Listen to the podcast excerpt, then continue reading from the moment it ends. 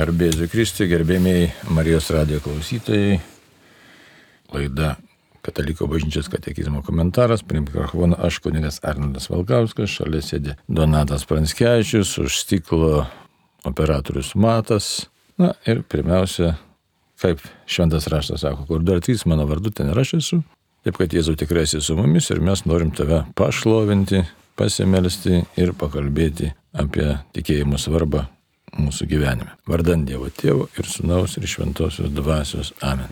Vienas treibė Dieve, tu viską nuostabiai sukūrei, atverk mūsų protus, širdis, visą mūsų dvasę, kad visa savo esybė suprastume tavo didybę, kad nebūtume akli, nebūtume kurti, bet kad praregėtume ir pasitikėtume tavimi visose gyvenimo situacijose. Mylėtume, jaustumės mylimi, žinotume samylimi, kad tavo buvimas būtų mūsų buvimas. Ir kad šitas katekizmas bažnyčios mums duotas parodytų kelią pas tave. To prašome, dangiškas įstėvė per Kristų šventojo dvasioje. Amen. Amen. Pradėjom kalbėti praeitą kartą apie tikėjimo darybę, tiksliau aš tikiu, ten 144 ir sekantis numeriai. Ir, reiškia, dabar toks labai svarbus yra tas kalbėjimas, ta prasme tema, dabar kodėl nesvarbi, todėl kad tai yra mūsų atsakas Dievui.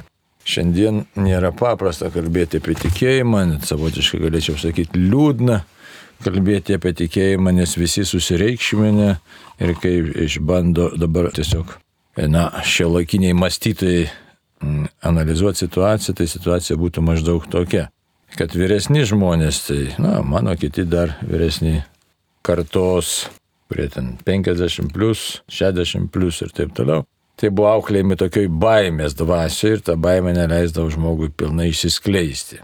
Daugiau tokių nelysk, negalima, neragauk, reiškia, ir taip toliau. Dabar jaunimas auklėmas kitoj dvasioje. Viskas galima, tu esi tiesiog nuostabus, pats nuostabiausias, esi pasaulio centras Na ir atrodytų, kad tas toks, toks skatinimas, kaip vienu metu atrodė, kad čia labai labai labai gerai. Tačiau rezultatas šiandieną pasirodo yra prastas. Kuria prasme prastas? Jeigu tų, kurie vyresni ir buvo gazdinami, kurie patyrė prievartą, ypač kas prisiminkim, sovietinė mokykla, sovietinė armija, tyčiajimaisi visi, kvailinimas jaunesnio, silpnesnio ir taip toliau, sukėlė nepilnavertiškumo kompleksą. Dabar neaišku, užtenka ir to nepilnavertiškumo komplekso, bet dabar yra kiti dalykai. Štai žmogus nieko neatlikęs, jokio indėlio neįdėjęs, jaučiasi esas vertas tiesiog aukščiausio pagirimo. Ir dabar jaunimo tarpe tas ypatingai, aiškiai, pasižymi ir apie tą kalbą pedagogai, kad štai jokių pastangų neįdėjęs nori pinigų, jokių pastangų neįdėjęs nori būti pripažintas, jokių pastangų neįdėjęs nori būti žvaigždė ir dar kažkas, tai tiesiog ir nežinia, kuo nori būti. Dabar e, kaip tai susijęs su tikėjimu? Su tikėjimu tai labai stipriai susiję. Jeigu tie, kurie neturėjo tos savivertės tikros, tai bijos būti tiesiog santykė su Dievu, nes Dievas galbūt negeras, piktas, baudžiantis ir taip toliau, tai pagal tas gyvenimo patirtis. Dabar šita tokia e, lengva, tokia dvasia, galėtume sakyti, šitaip neva tai toks, nu kažkoks, neva tai pasitikėjimas, taip, viską įsidarysiu, pasieksiu, ten esu vertas bet ko, Liktai būtų ir neblogai, tačiau yra didžiulis trūkumas, kad nėra, pirmas dalykas, nėra noro įsipareigoti ir e, yra noras lengvai viską pasiekti. Ir kitas dalykas, toks yra susireikšminimas, kad štai man nieko nereikia, aš pats iš esmės esu visažinantis Dievas. Žodžiu, narcizizmas, subujojo narcizizmas, aišku, čia galima būtų diskutuoti ir ginčytis, bet e, tai bendrais bruožais. O tikėjimas yra žmogaus atsakas Dievui. Katekizmas tą sako. Ir aš tikiu, aš teikiu atsaką Dievui. Todėl labai svarbu yra tas mūsų asmeninės nuotaikos, patirtis, psichologinė būsena. Nes kartais čia aišku šeimoje, šeima nuo šeimos skiriasi, bet vis dėlto atsiliepti toj bendra tendencija Dievui vienai par kitaip gali būti palengvinančių dalykų, gali būti apsunkinančių pasirinkimą momentų. Tai taip pat priklauso nuo mūsų bendro auklimo, nuo kultūros, nuo kultūrinių dalykų ir jeigu anksčiau buvo dėl vienokių ir kitokių priežasčių sunku galbūt atsiliepti Dievui, nes tai, kaip jau minėjau, jeigu kieno nors vaikystė paženklinta smurto ženklu, dar kažkokiu ir štai atsiliepti Dievui, kuris yra smurtingas, taip atrodo, ne? Tai dabar iš vis tenka su jaunimu nemažai padiskutuoti, nėra iš vis poreikio atsiliepti Dievui, nes, na, o taip va, aš esu. O ne? Ką tai reiškia, aš esu, tai yra Dievo pasakymas, o mes esame kūriniai. Tai va, taip kad, taip, kad susidurėm su tam tikromis e, problemomis ir iššūkiais, o tuo tarpu katekizmas ką mums sako. Pasižiūrėkime į tekstą ir paskui su Donatu mes čia ir su Matu pabandysime pasižiūrėti tiesiog, kas, kaip kam, na, ką įkvėpia katekizmo tekstas, praktiniais dalykais pasidalinti. Dabar noriu priminti, kad štai 145 numeris, katekizmo numeris, jis taip mums byloja. Sako, laiškė žydams, kuriame didžiai pagerbtas protėvių tikėjimas, ypač pabrėžiamas Abraomo tikėjimas. Tikėdamas Abraomas paklausė šaukimo keliauti į šalį, kurią turėjo paveldėti ir išvyko nežinodamas, kur einas.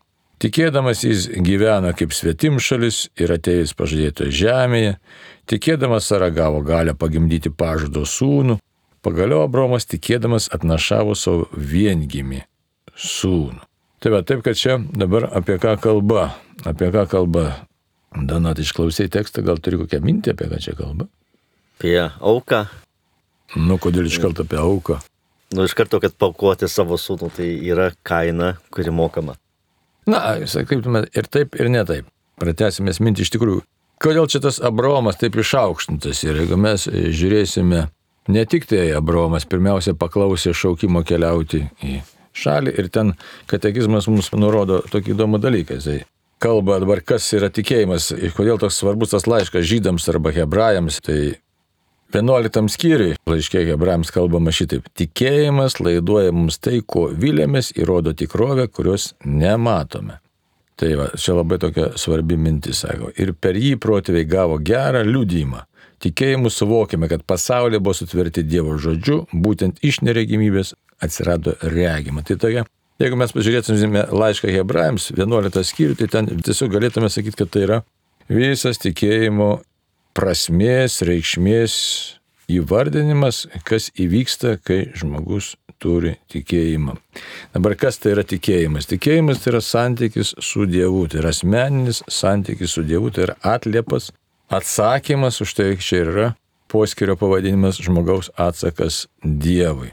Tai kaip mes galėtume atsiliepti? Čia galėtume taip paklausti, kaip Abraomas atsiliepė Dievui, kaip jis, ką jis atsakė. Tai jau vieną momentą paminėjai, bet šiek tiek peršokam. Pirmiausia, sako, jis paklausė šaukimo keliauti į šalį.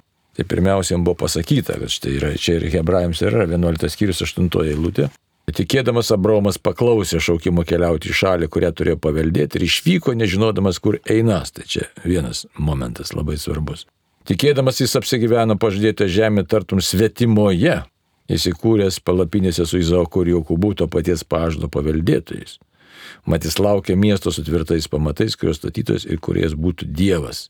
Ir taip toliau, tikėdamas Sara, nevaisinga ir nebeto amžiaus gavo galę susilaukti palikonės, nes pasitikėjo tuo, kuris buvo davęs pažadą. Ir todėl iš vieno vyro ir dar apmirusio gimė palikonis gausus tartum dangaus žvaigždės ir nesuskaitami kaip jūros pakrantės smiltys. Jie visi mirė tikėdami, kad negavę pažadėtųjų dalykų, tik iš tolas regėdami, sveikindami ir išpažindami, jog jie žemės svečiai ir ateiviai. Taip kalbėdami jie duoda suprasti, jog ieško tėvynės. Jeigu jie būtų minėję, na, iš kurios iškeliauja, būtų turėję laiko sugrįžti atgal. Bet dabar jie troško geresnės tėvynės, tai yra dangiškosios. Todėl Dievui negėda vadintis jų dievų, jis parengė jiems miestą. Tai štai, tikėjimo esmė yra, kad nėra tik taip kažkaip pripažinti, bet iš tikrųjų iš esmės atsakyti, tiesiog savo pasakyti ir Dievu, kad štai tu esi mano atsakymas. Tai yra labai toks sunkus dalykas, sakyk, Donatas. Bet tai atsakymas, o kaip Abromas buvo pašauktas ir kaip mums atpažinti, kad tai Dievas kalbėjo. Ir kaip Abromas tikėjo, kad tai Dievas kalba. Sudėtingas klausimas, kaip matai čia mums atsakydama. Norėjau to paties klausimo užduoti iš tikrųjų. Reikia žiūrėti tada vėl imti šitą pradžios knygą ir žiūrėti, kaip tenai, kas ten vyko, kaip tenai prakalbina Dievas, ne, kokiam santykiai jisai buvo, aišku, ten per daug šventas raštas ir nesako, bet, reiškia, Abraomas jisai buvo santykėje su Dievu, kitaip tariant, jam rūpėjo, rūpėjo santykis su Dievu, pažino Dievą, pažino kažkokiu tai sakykime, vidiniu dvasiniu būdu pažino. Galėtume greitai čia ir susirasti šventame raštėmės. kol dar kalbame. Tai va. Bet esmė, kad štai užkalbintas, juk Dievas užkalbina jį. Bet ir žmona paskui, kad žinom, irgi, kad abejoja, būtent kaip Abromas kalba.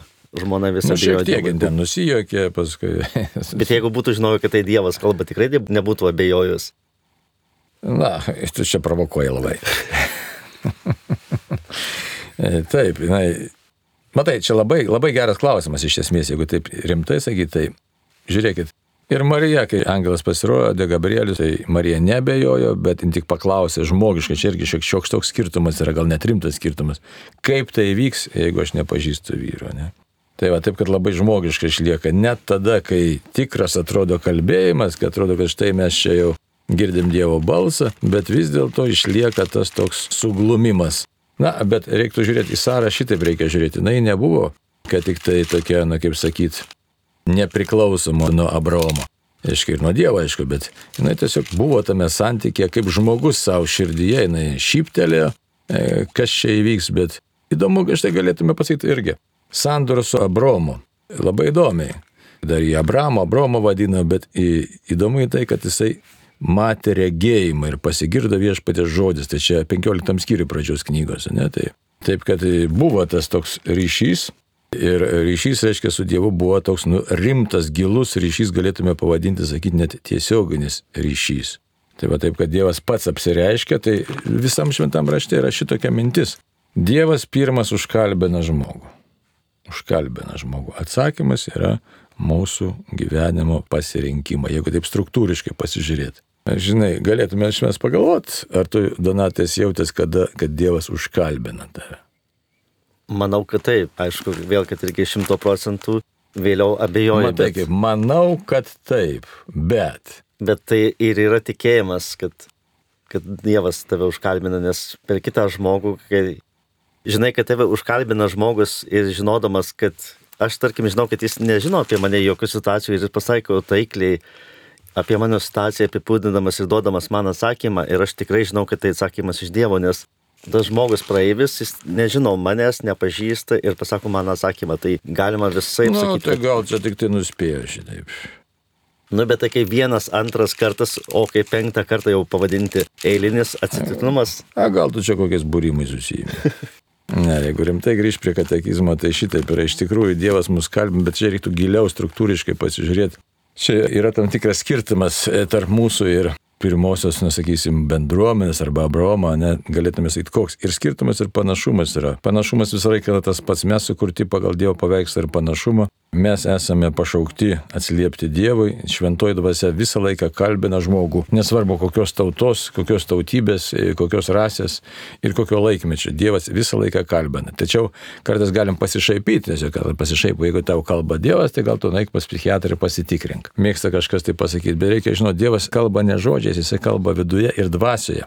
Ir mes todėl dažnai vieną dalyką labai svarbu, aš nežinau, kiek čia pavyks užkabinam, bet jį reikia būtinai pasakyti. Ir čia yra skirtumas tarp išorinio tikėjimo ir vidinio tikėjimo, tarp religingumo ir tikėjimo didžiulis skirtumas. Ir už tai, kaip jau nekartą esam sakę, štai galim prasilenkti su Dievu, kas labai gali ir įvykti. Ir pradžios knygoje mes skaitome štai Kaino ir Abelio auką. E, Taigi, e, Kainas aukoja auką ir Abelis aukoja auką. Kaino auka nepriimtina Dievo, Abelio priimtina, Kainas užmuša brolį iš pavydo.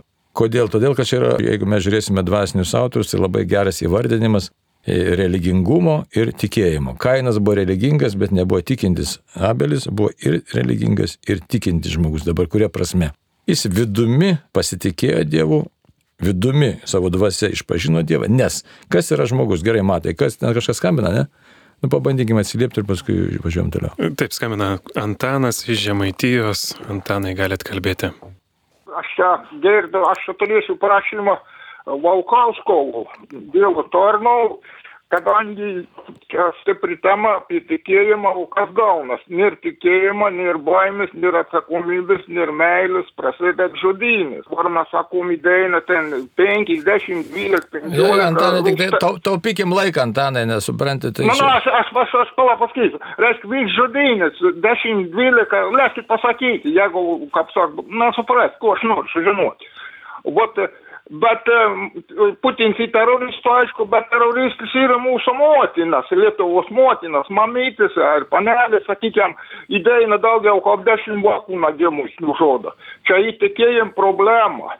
Taip. Didelė problema. Čia pats rekvizit, kad nesunyktų tauta, čia įvelni darbas. Aš tai norėjau pasakyti. Ačiū labai, teisingai pritariu.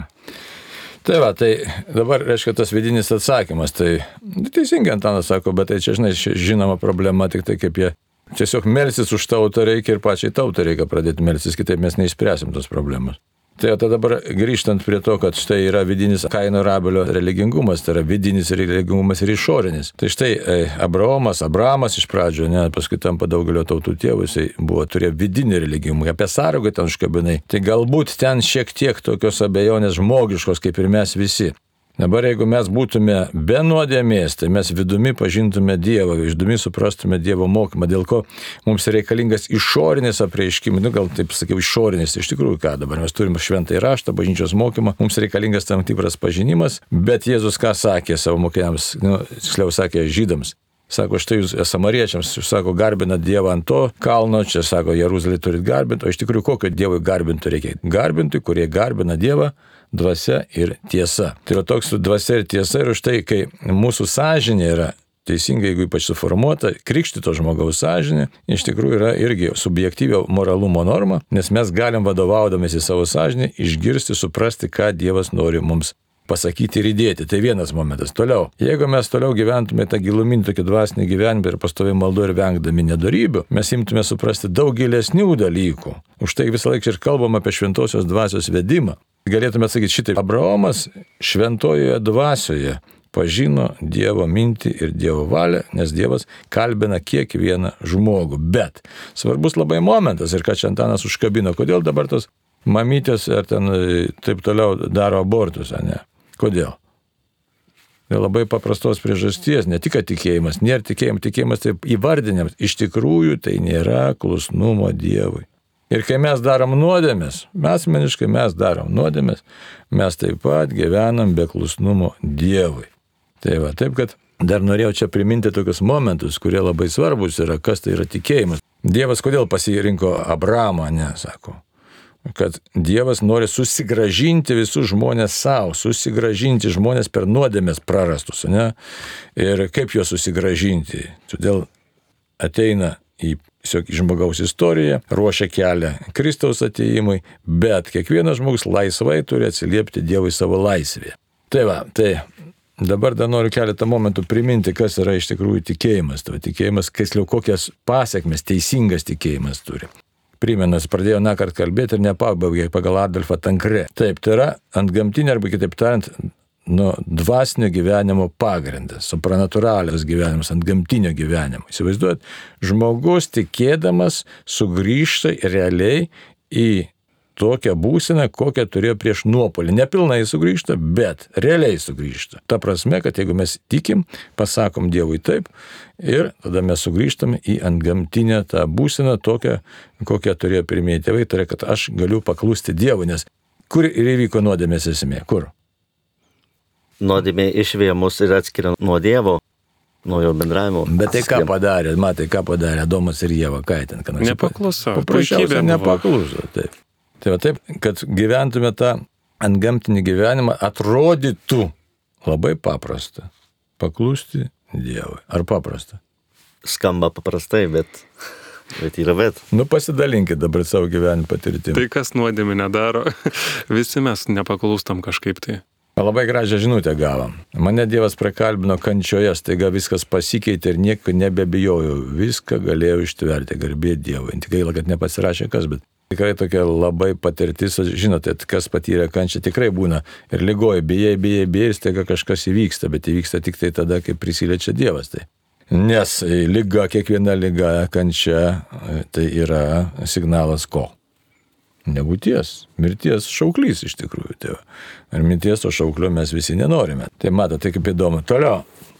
E, Taip, kad pirmas momentas, kad štai tikėjimas yra ant gamtinio gyvenimo pagrindas. Toliau antras momentas, yra dvasinio gyvenimo pagrindas. Dabar ką tai reiškia dvasinio gyvenimo? Gal kažkaip pakalbam, ką reiškia dvasinis gyvenimas. Nu, jūs abu tikintis vyrai, turit, na, vienas turi šeimą, kitas dar nori sukurti. Nu ir ką, kas tas dvasinis gyvenimas? Tai gal kažkoks asmeninis santykis su Dievu, malda, gal čia apie tai kažkas? Nu, nėra toks paprastas pasirodo. Lyg tai yra aišku, kas yra dvasinis gyvenimas, ne? Ir tuo pačiu momentu neaišku. Ką Donatai pasakysi?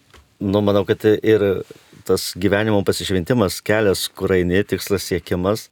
Ir manau, irgi matau pritariu, kad irgi malda, tos maldos gyvenimas ir ieškojimas Dievo abipusio ryšio.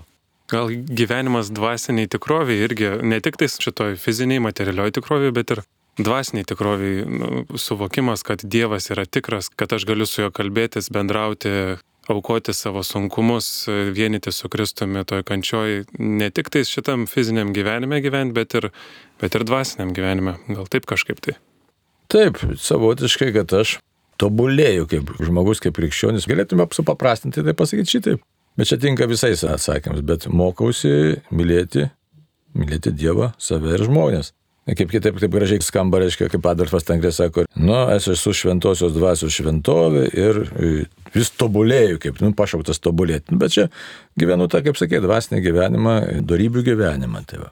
Kitas dar momentas toks gražus yra, sako, šventumo šaknis. Nu, tas šventumas toks žodis irgi labai savotiškas, ne ką tai reiškia šventumo šaknis. Tai irgi iš tikrųjų atitinka, nu, susijęs su tiesiogiai su dvasinė gyvenimu ir kad aš tiesiog paklūstų Dievui, ne visokiose, visose aplinkybėse pasitikiu vis labiau, labiau Dievu. Na ir tikėjimas mano tvirtėja, tiesiog, žodžiu, tas mano tobulumas nėra kažkas tai ten tokio super, bet tiesiog šventumas yra, yra tai, kad na, viskuo bandau sekti Kristumi. Tai yra kantrybė, meilė, darybėmis, žodžiu, toks mūsų kelias irgi skamba gražiai, iš tikrųjų tai sunkus kelias yra, nes reikia pastovi kovoti su savo puikybė. Sakom, kovoti ir matot, kai kovoti, tai gali būti toks neigiamas aspektas, su kažko kovoju, kovoju, kovoju, tiesiog gali pasakyti, kad labai čia neįdomu visiškai, gali būti, kad ta krikščionybė visai neįdomi, o gal čia kažkaip kitaip yra aišku, įdomi krikščionybė, nes yra daugiau iššūkių, tau daugiau pasirinkimų ir tu žinai, kas yra bloga, kas yra gera. Gal tas kova tai yra pasirinkimas, kad atsisakau nuodėmės ir, tarkim, neiti vienu keliu, tarkim, lengvais pinigais gyventi, ir, bet tu renkėsi kitą sąžiningą kelią, tai jau yra kova pasirinkimas. Ką dar matai pasakysi? Man tai sunki ta kova, aš kažkaip norėtųsi, kad būtų viskas paprasta, lengva, tiesiog esi su Dievu ir viskas. Sunku kovoti, sunku, bet aišku, gal yra ir dinamikos kažkokios tam tikėjimo gyvenime tada, kai yra kova. Gali ir savo pastangą parodyti Dievui, kad ne tik tais, kad Dievas dėl tavęs tengiasi ir tave nori kažkaip tai patraukti, bet ir tu pats kažką tai paukoji, kažką tai dovanoji tam santykiui su juo. Tai kova turbūt leidžia labiau mylėti Dievą, o ne tik tais būti tokiam Dievo, dievo mylimam. Na ir kitas dalykas, kad matai, tikėjimas padaro mus tokius, aišku, supratimą duoda, tas supratimas, jis negali būti lengvas. Supratimą kokį dabar duoda. Kam žmogus gyvena, kaip turi gyventi, kas taip, kas ne taip pasaulyje. Tai tiesiog atsiranda, kaip čia kažkas mums parašė, kaip pažinti Dievo valią, kaip skirti dvasias. Tai tas supratimas dvasių skirimo atsiranda, nes Galim pastebėti, dažnai klausim pasaulio, kodėl tiek įvairiausių keistų dalykų žmonės padaro, nejaugi nesupranta, arba mes patys partais būna aistros apakina ir, na, nu, skubėdamas, ką tai reiškia aistros, skubi, susierzinęs ir neprotingai pakalbi, e, pasikarščiuoji, žodžiu, tokių keistų dalykų padarai. Kodėl taip įvyksta? Todėl, kad dinksta pažinimas. Tai va, taip, kad tikėjimas iš tikrųjų tai veda į dieviškų dalykų žinojimą, pažinimą, kai Dievas ima su mumis dalinti savo supratimu. Bet nereikia taip primityviai galvoti, kad čia yra paprastas dalykas. Įsivaizduoju, Dievas yra begalinis, begalinė didybė. Ir kodėl nesikė, žiūrėkit, ir Mozė sakė, štai mačiau Dievo veidą ir nenumiriau, ar pamatyčiau Dievo veidą, numirčiau. Dievo didybė yra bauginanti ir mes randam tar šventame rašte begalinę Dievo didybę. Ir dabar visiškai atsiduoti Dievui, kuris yra begalinės Dievas, tai taip atrodo paprastas šešiais žodžiais. Iš tikrųjų tai taip visiškai nėra, tu supranti, kad štai tu atsidūrė ant kažkokio tai begalybės slengščio ir todėl tikėjimas leidžia šitą tiesiog begalybės tokį pojūtį, tą patirti, jį priimti, kažkiek neišsigasti, nesu, tiesiog nes ribotas prieš neribotą atsiduria. Tai va, taip, kad Dievo išmintis tampa mūsų supratimu, mūsų išmintimi ir todėl mūsų intelektas protas, reiškia, būna apšviestas to pažinimu, bet tai nėra paprasta. Kodėl dabar? Todėl, kad pasaulio dvasia tai yra priešingai ir pats kartas gali pagalvoti, na, jeigu aš įtikėsiu, gal čia kvailai atrodysiu, žmonės visai kitaip renkasi visokias vertybės, kitais dalykais gyvena, kitais džiaugsmais džiaugiasi. Taip, kad šitoje vietoje turi atsirasti ir kitas dar labai dėmo labai svarbus. Džiaugsmo dėmo, kad štai aš tikėdamas atrandu, Dievo klausydamas atrandu džiaugsmą. Ką apie tai galėtume pasakyti? Nes kitaip tai ta kova tokia gaunasi, nu, tai kova dėl kovos, kuri gali labai labai išvarginti į gyvenimo kelionę. O jeigu be džiaugsmo elemento, tiesiog turi būti Dievo šviesa, apšviečia tiesiog žmogaus tą intelektą ir mes suprantame, kad štai aš galiu pasidžiaugti, kuo pasidžiaugti. Kad turiu gyvenimą, kad turiu galimybę ir kad Dievas yra už mane viską suplanavęs, mums tik tai reikia gyventi, kad irgi bendrauti su Dievu. Daug labai tos atramos taškas jau yra Dievas, jeigu tu su Dievu esi. Ir galutinį, matai, mūsų pašaukimą atliepia, kad štai aš esu pašauktas būti į amžinybę su Dievu, ne? Čia dabar mes turim ne tik keletą momentų labai išryškinti, žvelgdami į tą Abraomo tikėjimą. Ir ateitis, einant su Dievu, man pažadėta ir dabartis iš tikrųjų. Ir taip pat tikėtina, kad čia ir dabar aš galiu patirti visai kitokias patirtis, galę, maldos galę, kad žodžiu, kad Dievas, nu, tiesiog įsiterpia, įžengia į mano gyvenimą ir jisai ima tame gyvenime veikti. Na, kaip apie tai kalba ir Senasis ir Naujasis testamentai. Tai va. Toliau dar noriu primti, kad Adolfas Tankrė sako, tikėjimas apšviečia intelektą ir krikščionis labai skiriasi nuo kokio nors filosofo mąstytojo, Taip skiriasi kaip žmogus nuo gyvulio dabar, kur tas skirtumas atsiranda. Tai nėra tik tai mūsų kažkoks tai protavimo apšvietimas, mūsų proto praplėtimas, bet tai yra suvokimas tiesiog pažinimo išplėtimas, kad mes įmame suvokti dieviškosius dalykus, paslėptus dalykus, dalykus apie patį Dievą, apie, sakysim, kaip ir apie Dievą trybę. Ir toliau pagilinamas mūsų supratimas apie gyvenimą, apie patį gyvenimą, apie tai, kas moralu ir nemoralu. Štai šiandien tiek daug problemų yra. Kalbant apie darybės, apie gėrį, blogį, mes esame karo akivaizdoje, esame kitų blogybę akivaizdoje. Ir sakykime, kaip žmogus ir paminėjo Antanas iš Žemaitijos, kad štai abortą, ne, ir dalis žmonių, žiūrėkit, ką sako, tai čia tiesiog, vat, ką noriu, tą darau, galiu su kito gyvybė elgtis kaip noriu. Net, net pripažįstu, kad štai tas kūdikis iščias yra kitas, tai nėra mano kūnas. Net ir su savo kūnu iš tikrųjų aš negaliu daryti, ką noriu, nes jeigu aš savimsiu žaloti, tai, nu, tai aš eisiu prieš Dievo valią, nes Dievas mane sukūrė tam, kad aš būčiau integralus ir gražiai mane Dievas sukūrė. Tai štai mes galim ką pamatyti, kad tikėjimas padeda mums suprasti tiesą tokią, kokia jin yra. O jeigu nėra tikėjimo, tai mes matom, kad štai žmogus apanka ir ima vadovauti savo kažkokiu tai iškreiptų supratimu ir patenka į bėdą. Ar ne panašiai kažkas gaunasi? Kad, na, tai turi minti.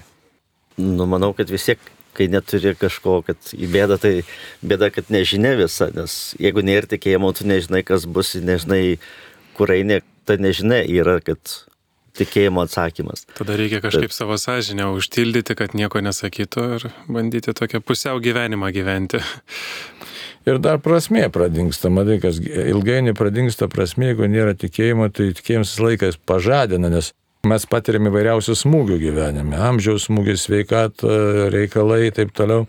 Ir vis dėlto kaip ir Abraomas, eik ten, daryk, tai reikėjo kasdienius darbus daryti, gyvulius ten ganyti, juos pamelžti, persikėl stovyklą įrengti, vaikus maitinti, savo šeiminykščiais rūpintis, žodžiu, šimtai reikalų, kasdienybės reikalų. Tačiau tikėjimas pakelia mūsų vidinį žvilgsnį į Dievą, į tą, kuris, nuo kurio viskas priklauso, į galutinį tikslą pakelia, tiesiog pakelia mūsų žvilgsnį ir už tai, kaip laiškė žydams 11 skyriui, ten labai taip įdomiai sako. Ir pagal tai Adolfas Tankrė pabrėžia tokį labai įdomų dalyką. Sako, tikėjimas yra jėgos, tiesiog mums duodamos Dievo jėgos principas, kokią Dievas duoda jėgą. Jeigu mes tą 11 skyrių vėl atsiversime, tai ten pamatysime, kad štai Abraomas tikėjo ir pasidarė šitai, gavo sūnų, Saraunaškė pastojo ir taip toliau. Ir, žodžiu, visas 11 skyrius liūdė apie tai, kad štai tikint keičiasi žmogaus gyvenimas, keičiasi žmonių gyvenimas. Žodžiu, kažkas tai įvyksta tokio, na, labai gero, gero, pozityvaus ir ateina su laiku, aišku, didelės kantrybės, bet ateina su laiku, ateina su jėga. Tai Taip kad e, Tikėjimas mums suteikia, sakytume, ne tik pažinimą, ne tik tai šventumą, ne tik šventumo siekimą, bet taip pat suteikia ir Dievo, dievo jėgą, Dievo galybę suteikia. Ir pats Dievas, kitaip tariant, įžengia mums atsakantiems jam, įžengia į mūsų gyvenimą. Gal prisimeta iš savo gyvenimo patirčių, kada Dievas įžengia į jūsų gyvenimą? Pas mane virtinė buvo, kad nu, ne vienas įvykis, bet tai, kad reikėjo irgi patirti nusmukimą, kad irgi tą nežinę pasiekti, kad nežinai, kas toliau ir nežinai, kas už to slypi, kas toliau bus, kas už mirties bus. Tie klausimai, kad irgi verti ieškoti atsakymų ir kad Dievas ateitų, turėjau padaryti tą erdvę, kad irgi pakviesti, nes šiaip tai nereikėtų atsakymų, jeigu Dievas nebūtų padaręs tos tuštybės nėra reikalo, nėra prasmės, jeigu tu viską žinai, kam tau Dievas. Bet jeigu tu nežinai, tada ieškai ir tada Dievas tam atsakymu, nes irgi pradėjau skaityti Bibliją nuo Mozės ir būtent man tas Mozės, tai visa istorija parodė, kad vyksta šiais laikais taip, nes Dievas niekada nesikeičia, o būtent Biblija prasideda nuo stebuklų. Ir pradėjau to ieškoti stebuklų, kad tai būtų atsakymas, kad Dievas yra tikras, to tikrumo ieškojau. Nes tas tikėjimas atrodo, kad ateini ir patikėti tuo, kas kalba, atrodo, patikėti kažkuo nerealiu, tai yra tas abipusis ryšys, kurio tu nesupranti. Tai tada ieškojimas stebuklų, tai yra patvirtinimas, kad Dievas man prakalbėtų mano kalba ir aš tikrai suprasčiau tą jo žodį, kad tikrai Dievas ir tai sakau, Dieve duok man stebuklą, bet kai mašina mane parmušė dideliu greičiu, aš išgyvenau, aš tada vis tiek pradėjau ignoruoti, kad tai buvo stebuklas. Nors policija sakė, eik padėkoti Dievui, bet aš sakau, čia mano praeitis su dabartimi, su Dievu nieko nesusiję. Ir tada toliau pradėjau ieškoti. Bet vėl tas ieškojimas tuštybės ir tada dar labiau klausimų kyla ir tada vėl tu duodi Dievui tą tarpą, nes jeigu neieškosi klausimų, tave vėl gali apimti panika, baimės visokios, kad kur eisiu, kur gyvensiu, ką daugiau veiksiu ir prasmės prana gyvenimas. Tai Taip, kad už tai dar žvelgiant toliau, pasižiūrėkime, Adolfas Tankres šitaip sako, tikėjimas yra paguodos šaltinis, įsivaizduoju, paguodos šaltinis visuose suspaudimuose, pažeminimuose ir skausmingose praradimuose, tiek artimųjų, tiek draugų praradime. Taip pat tikėjimas susijęs su viltimi, ypatingai susijęs su viltimi mirties akivaizdoje. Tai kaip ir sakėte. Taip kad ypatingai mūsų šventųjų bendrystės bendravimo dogma mus pagodžia, parodo tikėjimo galę, kad štai tikime, kaip iš jeigu žiūrėtume vėl man iš tą 11 skyrių laiško hebrajams, ten žiūrėkit, išvardinama kiek dalykų. Tikėdamas Abromas Iškia, paklausė, iškeliavo į šalį, sulaukė Izaoko. Tikėdamas Sara, nevaisingai nebetamžio susilaukė palikonės. Tikėdamas Abromas atnašavo Izaoką, tai buvo mėginamas. Ne? Paskui tikėdamas Jokūbas atgavo sūnų, tikėdamas laimino ateičiai Jokūbą. Jokūbas mirė ties valandą irgi palaimino. Žodžiu, tikėdami Mozės gimdytojai neišsigando valdovai sakoma. Mozė tikėdamas atsisakė vadintis faraono dukters sūnumi ir taip toliau. Visą tai tikėjimas. Ir ką jis padaro? Tiesiog leidžia Dievui žmonių istorijoje veikti ir vykti Dievo valią, vykti išganimui. Tai įsivaizduot. O čia būtų toks apibendrinimas, liko keletą minučių. Labai svarbus apibendrinimas, kad kai mes prašom Dievo tikėjimo, stengiamės tikėti, atsiliepiam tikėdami, o atsiliepti tikėjimu Dievui nėra paprasta, reikia pripažinti. Nėra paprasta ir todėl dar skirelis toks Adolfo Tenkrė yra įdomus ir sako, čia toks taškas, kalbant apie tikėjimą. Tikėjimas yra daugelio nuopelnų šaltinis, nuopelnų. Kas tie nuopelnai, tai kaip apaštalas Paulius kalba apie vainiką, kurį Dievas atiduos aną dieną. Taigi Dievas atiduos nuopelnų vainiką tiems, kurie kovojo tikėjimo kovą, kaip apaštalas Paulius sakė, grumiuosi. Taigi tikėjimas yra tam tikros grumtynės, bet juose reikia tiesiog paprašyti Dievo šviesos, kad mes atrastume džiaugsmo vilties tokį džiaugsmo elementą, kad ne šiaip savo, štai Paulius ir sakė, grumiuosi netarsi į orą smūgiuodamas, bet realiai, nes mano tos grumtinės bus vainikuotos pačiu didžiausiu tiesiog apdovanojimu, tai yra Dievo artumu. Tai tiek. Nelengva tema, bet jin labai reikalinga, ypač mūsų laikmetyje, taigi parašykim savo Dievo tikėjimo, primenu tėvo Pijaus raginimą, melskime į savo kankinius, kurių Lietuva turi apšiai ir kuriuos esam primiršę, nesusirūpinę visokiais žemiškaisiais dalykais esame. kad Dievas globotų tėvynę Lietuvą ir nebaustų mūsų už mūsų nedorybės. Ačiū uždėmesį ir tam kartui maldoja viens už kitą ir sudė. Sudė.